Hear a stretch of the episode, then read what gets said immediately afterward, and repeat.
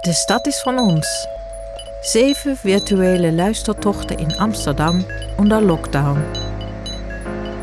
In deze podcast waar je nu naar luistert, De stad is van ons, vertellen Amsterdammers over hun geluidservaringen tijdens de lockdown. Van de een op de andere dag moeten ze zich verhouden tot een stad die totaal anders klinkt dan voorheen.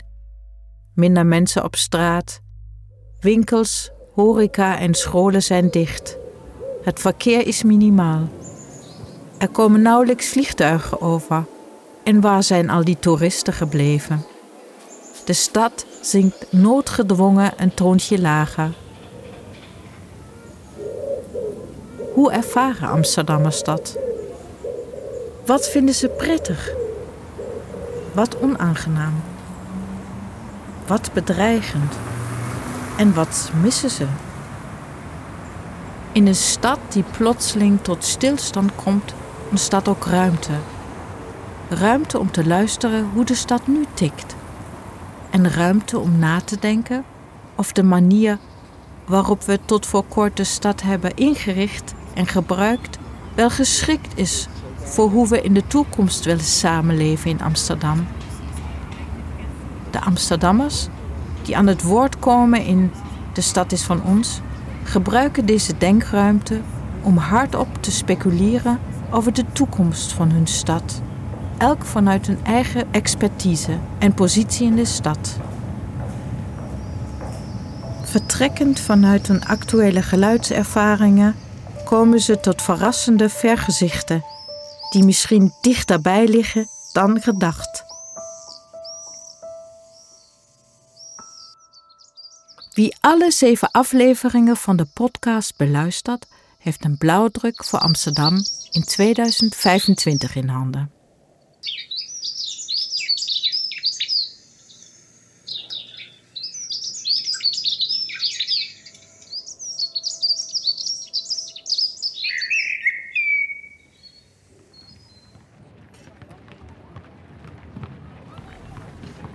Het is februari 2021. Steeds meer mensen zijn ontevreden over de coronamaatregelen en gaan naar buiten om te protesteren. Daar skanderen ze tegen mondkapjesplicht, de avondklok, dichte scholen, dichte winkels en horeca, tegen bezoekersbeperkingen en nog veel meer. Mensen ervaren die maatregelen als erger dan de kwaal en als tegenstrijdig. Waarom wel met 300 mensen in een vliegtuig en niet naar de bioscoop? Ze zien het als niet democratisch, onwettig, als een ontwrichting van de maatschappij zoals ze die kennen. Veel mensen hebben geen vertrouwen meer in het bestuur en twijfelen of democratie nog bestaat in 2021. Vandaag lopen we met de stad is van ons door de ongehoorzame stad.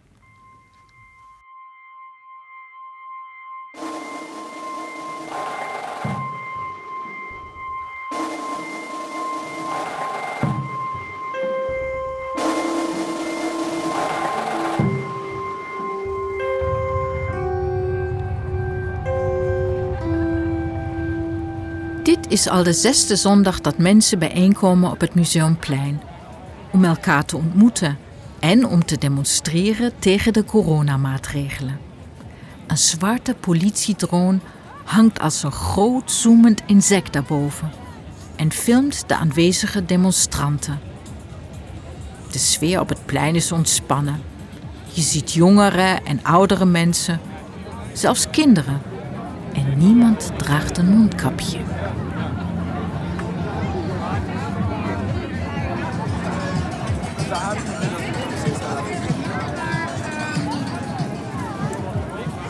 En het gaat ook niet meer ophouden. Echt nooit. Nooit. nooit meer. Eh, omdat de spoedwet iedere keer zal worden verlengd. En eh, eh, er zal altijd wel een besmetting zijn. En eh, iedere dode is er één te veel. Nou, en dan, dan ben ik klaar. Ja. eigenlijk juist. Ja, dat soort gasten moeten opstaan. Ja, ik kan gewoon een verhaal van milieus bij. Dit is de zesde week. Maar voor januari kwam ook al heel veel mensen. Ja, maar Het koffiedrinken is vanaf... eh, dat is nu zes weken aan de gang. En ten onrechte schreef het parool afgelopen week al dat het zes weken aan de gang was, maar dat is niet zo.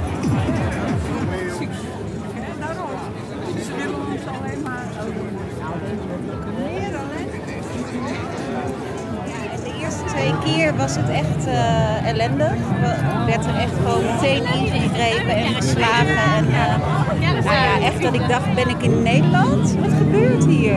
Ja. En de keren daarna heeft Femke gelukkig eh, gezegd, laat ze eerst. En dan op een gegeven moment waarschuwen ze. En dan gaat eigenlijk ook iedereen weg. Ja. Cindy.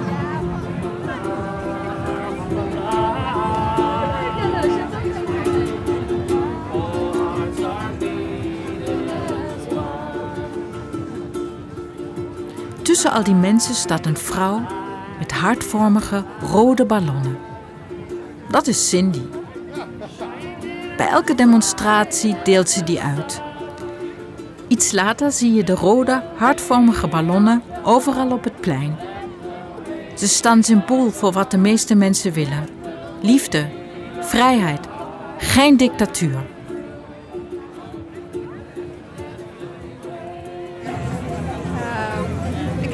Eerste paar weken, anderhalve maand, heb ik er zelf wel aan meegedaan aan de maatregelen op het, eh, ja, het neurotische af eigenlijk. Eh, ik ben zelf longpatiënt. Eh, en ik was gewoon heel erg bang om ziek te worden. Ik denk, ja, als ik dit virus krijg, dan, dan is het over en uit. Het gaat niet goed komen, dus... ehm, toen heb ik ook niemand gezien, handen stuk gewassen. Ehm, als er boodschappen werden gedaan, dan werd, ehm, werd alles gepoetst. Eh, mijn partner die moest meteen onder de douche.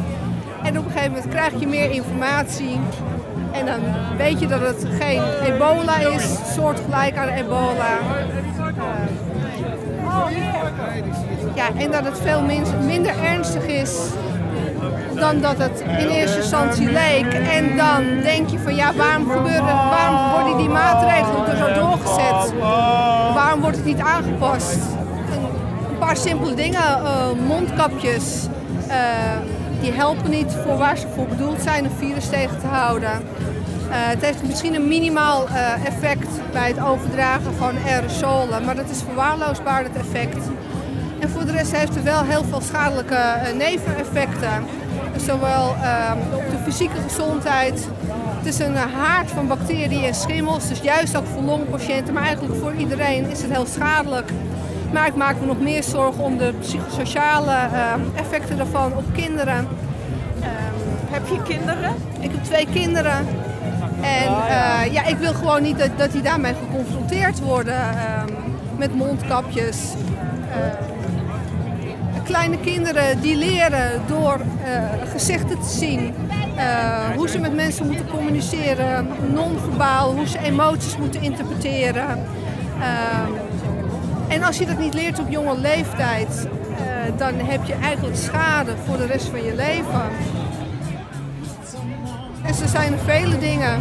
Anderhalve meter, ook psychosociaal. eh, ja, onwenselijk, slecht, eh, slecht voor de sociale cohesie. Het lijkt wel alsof de bedoeling is dat die sociale cohesie minder wordt door de afstand, door elkaar niet meer te kunnen zien. Dat je niet meer met elkaar mag verbinden, eh, dat je niet meer samen sterk staat. En dat is iets waar je in het begin niet aan wil, want eh, net als vele mensen heb ik vertrouwen of had ik vertrouwen in een overheid. Maar dat is nu wel zoek. Want ik kan hier geen verklaring meer, eh, geen zingeving meer aan geven waarom alles zo wordt gedaan.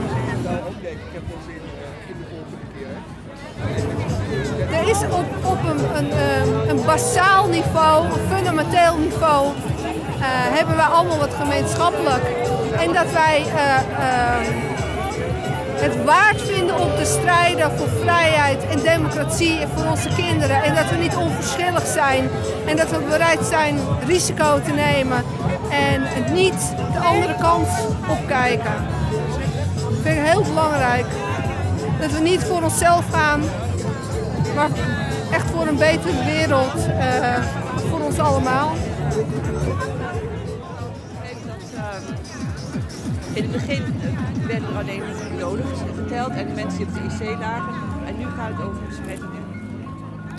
Auke Vellinga hoort bij een groep jongeren die de corona-aanpak meer dan zat zijn. Die gewoon weer bij elkaar willen komen. Het wordt een steeds grotere groep, steeds meer jongeren zijn er helemaal klaar mee. Uh, boos, ontevreden. Dat zag je vorige week ook in het Vondelpark. Maar ook heel veel mensen helemaal niet van de demonstratie. Die waren ook gewoon boos en hadden zoiets van, ja, uh, we gaan gewoon lekker feestje bouwen. Dus uh, het worden er steeds meer. Ja, ik ben vanaf het begin al heel boos om de aanpak, het werkt niet. Uh, in theorie kan een lockdown aanpak werken als je er heel, heel, heel vroeg bij bent. Maar we waren te laat, dus het heeft helemaal geen zin. Het is uitstel van executie. We negeren heel veel wetenschap. Uh, ik heb zelf voeding en gezondheid gestudeerd. Uh, ik weet, uh, ik heb heel veel studies gezien omtrent vitamine D en bepaalde medicijnen die prima werken. En die worden gewoon genegeerd eigenlijk, zo goed als gezondheid wordt genegeerd. Uh, terwijl er al lang duidelijk is dat ongezonde mensen veel zwaarder COVID krijgen en daarmee ook veel besmettelijker zijn. Dus ja, als je de volksgezondheid verbetert, dan heb je al die andere onzinnige maatregelen helemaal niet nodig. Dus de aanpak is volkomen gestoord en het moet anders. En daarom sta ik hier. Uh, ik ga zelf voor een, wat gerichtere bescherming van de kwetsbaren voor de mensen die dat willen. Um, en sowieso uh, vitamine D advies voor de hele bevolking. Um, sporten gewoon weer toelaten, sportadvies voor de hele bevolking. En ook een advies op gezondere voeding. Um, door bijvoorbeeld suiker of gewoon bewerkte voeding uh, ja, zwaarder uh, te belasten. Uh, en groenten, vlees, noten, dat soort dingen goedkoper te maken. Dat, dat zou een veel goedkopere oplossing zijn dan al dat testen en al die vaccins. En het kost klauwen met geld. Vandaag ook, de ME staat er weer. Dat kost weer bijna een half miljoen per dag. Dat is belachelijk. Het kost zoveel geld en we bereiken er helemaal niks mee. Het is uitstel van executie.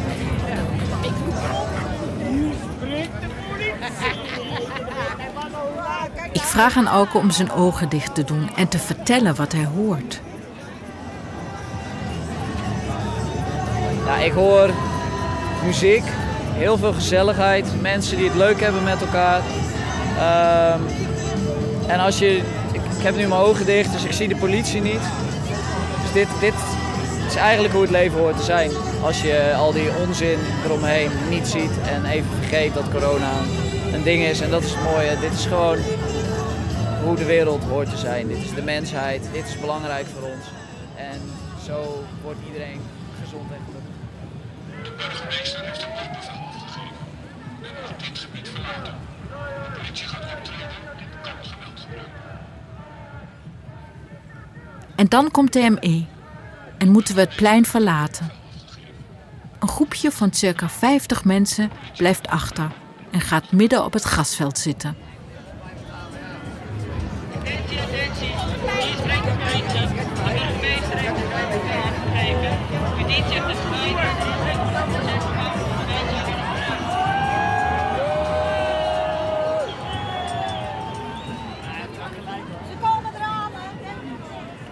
Vanaf een veilige afstand, achter het cordon, kijk ik hoe de zittende groep mensen wordt ingesloten.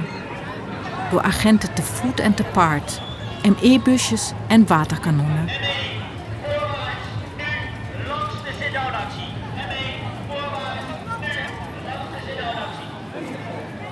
De zon schijnt op het plein en werpt een prachtig licht op dit gewelddadige tafereel.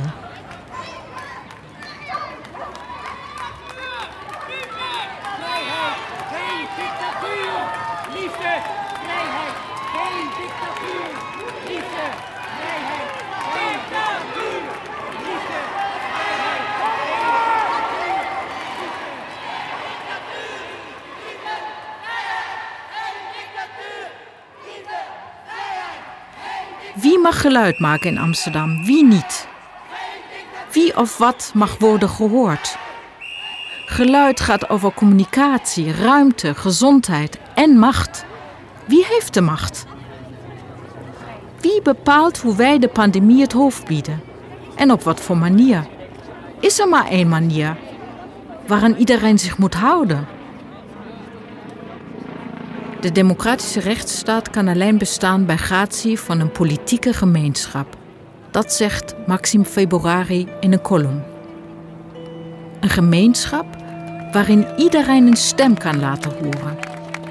En hij pleit ervoor dat we er met z'n allen nu voor moeten waken dat het ook zo blijft.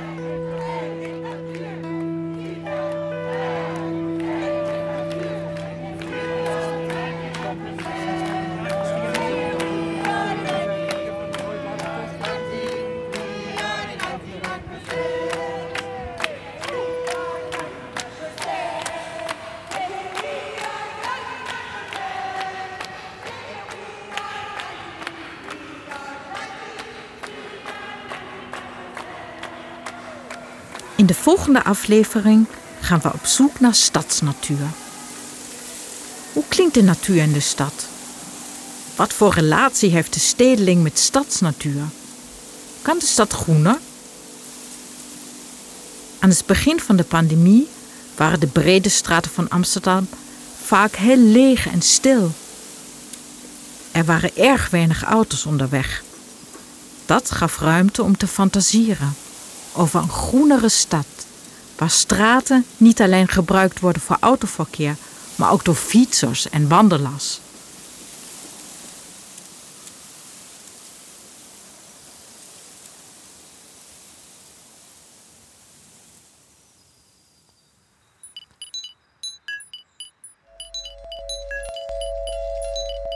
De Stad is van ons is een podcast van Soundtrack City, gemaakt door Renat Tsenchnik.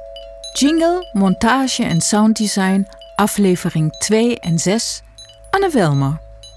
Evelien van den Broek deed montage en sounddesign voor de andere vijf afleveringen.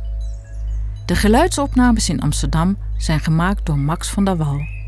Grote dank aan alle geïnterviewden en aan Studio Orbit. Speciale dank aan Nelly Oudshoorn voor het gebruik van fragmenten uit haar compositie Opus 31 Silent Cities. De Stad is van ons is een productie van Soundtrack City en financieel mogelijk gemaakt door Amsterdams Fonds voor de Kunst en het Prins Bernhard Cultuurfonds.